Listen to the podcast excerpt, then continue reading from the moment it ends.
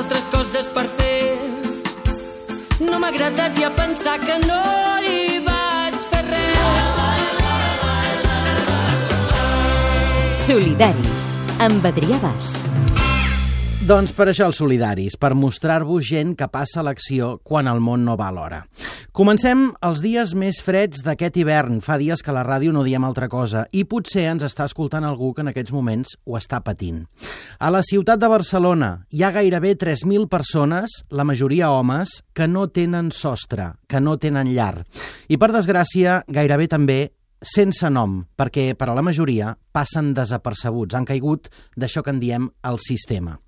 Per a la majoria, però no pas per tothom. Avui, a la xarxa Molina, la Fundació Assís, que treballa per donar-los assistència.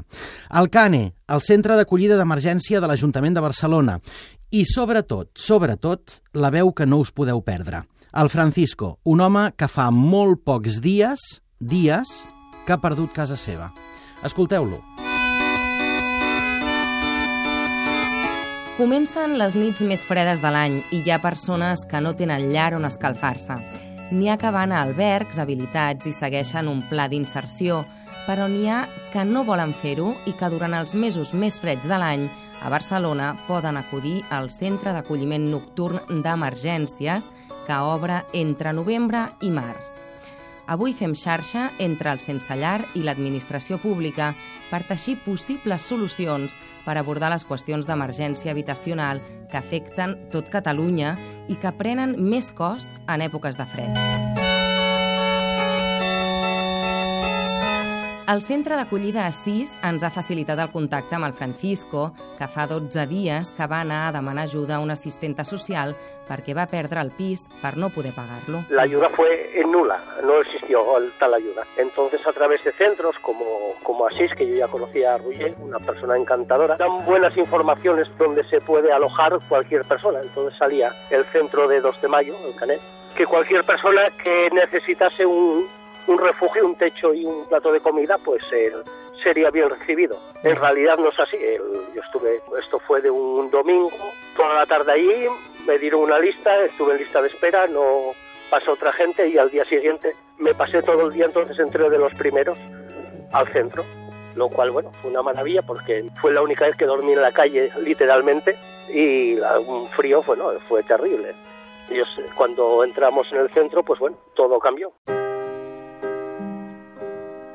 la seva primera nit freda al carrer, però després ja va poder entrar al CANE, aquest centre d'emergència on tothom pot entrar-hi. Tiene unas condiciones bastante buenas de higiene, la que dirige Esther es un encanto junto con su equipo, pero bueno, cuando entras dentro el problema no es el centro, es el problema es las personas que lo, que lo ocupamos, ¿no?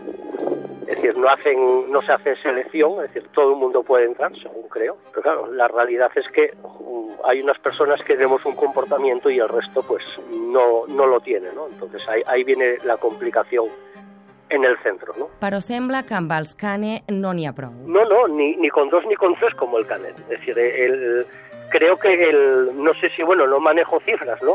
pero que son 60 o 70 plazas las que pueden albergar ellos.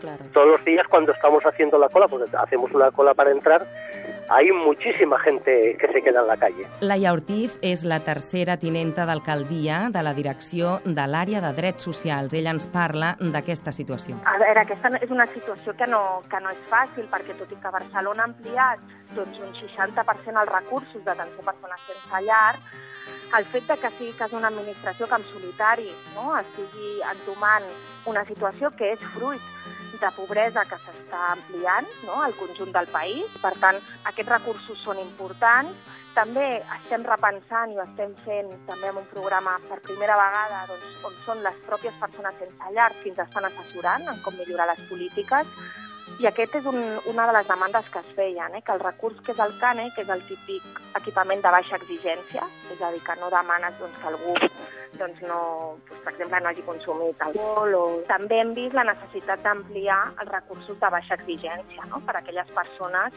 doncs, que requereixen doncs, tenir un allotjament no? Al marge de fer un itinerari d'inserció. En Francisco apunta també què passa amb els veïns de la zona on hi ha situat el CANE, al passatge 2 de maig. Te lo explico, como vecino puedo opinar mucho porque yo he vivido 16 años en 2 de mayo. Además digo el número por si alguien que no se desrasgue las vestiduras, en, en el 308, es decir, a, a 60 metros del, del pasaje 2 de maig. Yo no lo conocí como, como centro de albergo, no, no, lo recuerdo. A lo mejor es que tenía otra vida y no veía a la gente de al lado, pero no lo recuerdo que fuese un centro de ayuda o un centro de emergencia. Los vecinos que están ahora, que los conozco perfectamente con nombres y apellidos, se hacen cruces, porque desgraciadamente hay unos que hacemos la cola para entrar, pero ahí pues en, en la calle se fuma, se bebe y se orina en la misma calle y en la puerta del vecino. Pues la opinión del vecino ya te la puedes imaginar. Claro. Y eso es a diario, ¿eh? Pues llevan, llevan días que, el, que está la policía en la puerta. En Francisco apunta també algunes propostes per millorar el CANE en el moment de l'operació Fred. Eh, dice el nombre del centro, es una, situa una situación de emergencia. Hay de, el, desde pabellones municipales, es decir, cualquier pabellón municipal de, de donde se juega una cancha de baloncesto demás, como en, en, algunas crisis que ha pasado en, por, por, causas de gravedad que se han caído edificios, pues han habilitado un pabellón municipal de cualquier provincia de España, se han puesto 100 colchones en el suelo, esos pabellones ya tienen desde sus duchas, eh, la Cruz Roja te trae las mantas, ¿por qué no aquí en Barcelona, que tenemos muchos más medios que la majoria de, de, del resto del Estado? L'Ajuntament de la ciutat de Barcelona va presentar a finals de l'any passat un pla integral per abordar el sensellarisme a la ciutat però continuen abordant el problema del sense llar en l'operació Fred, treballant amb els usuaris. Yo vengo ahora de Sarria Buranova, el, hay cantidad de, de, de, de este edificios cerrados, porque no casas el, que no están utilizadas desde hace años no se ceden a, a un, de, desde un interés bajo incluso a un interés cero para entrar a, a vivir o tener un techo. Es decir, la cuestión es no dejarlos en la calle y que te den un albergue, es no entrar en ningún albergue. Sí, jo mateixa he estat al CANE parlant amb usuaris, vam fer també una llista de peticions que havien fet ells mateixos. Una de les qüestions, per exemple, que ens van demanar és que el CANE funcionés tot l'any, és a dir, una tipologia d'equipament de baixa exigència per tot l'any, no només a l'època de fred, i el voler arranjar no? I, i rehabilitar perquè això pugui ser així. Però el sensellarisme afecta moltíssima gent que no té un CANE a prop. No, es que además el, el reclamo es que saben que, el, que de lo poco que funciona, porque lo que escucho, bueno, eh, compañeros o gente que está ahí, que saben que, el, el, el, que es el único sitio y todos van al mismo, porque hay otras ciudades que ni lo tienen, creo. Entonces, claro, es decir, una ciudad, estamos hablando de que aquí en, en la calle, por lo que yo más o menos puedo ver eh, cada día junto con otros compañeros, eh, que como yo estamos a cientos, no estamos ni uno, ni dos, ni tres, ni cinco, a cientos.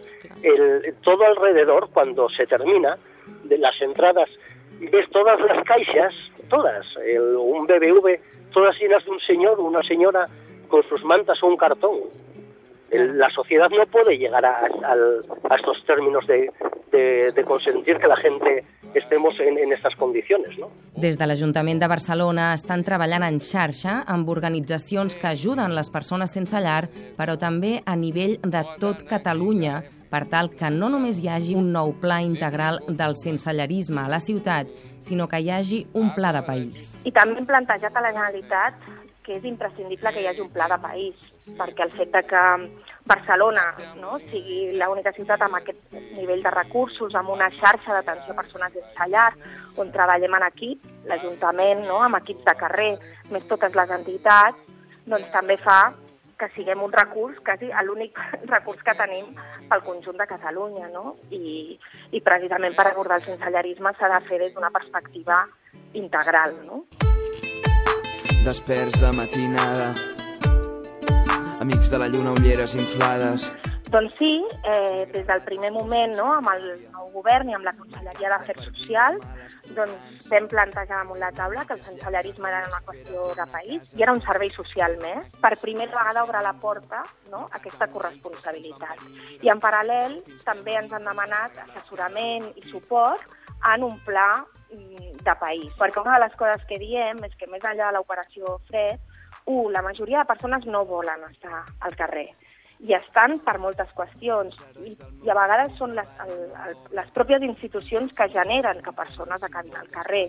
És a dir, avui trobem eh, persones en situació de sense llar doncs, que han sortit a lo millor d'institucions penitenciàries i que, per tant, hauríem de prevenir no? que això acabi passant o joves que venen de situacions de tutela de la dgaia no? i que pel seu empobriment després acaben a, en una situació de carrer. Doncs aquestes situacions les hem de prevenir no? abans d'arribar aquí. Treballa en xarxa amb les entitats i propostes a nivell Catalunya perquè el pla d'emergència d'hivern s'ampliï, però també perquè s'ataquin els problemes de pobresa des del seu origen. I de tots els barris humils. Força.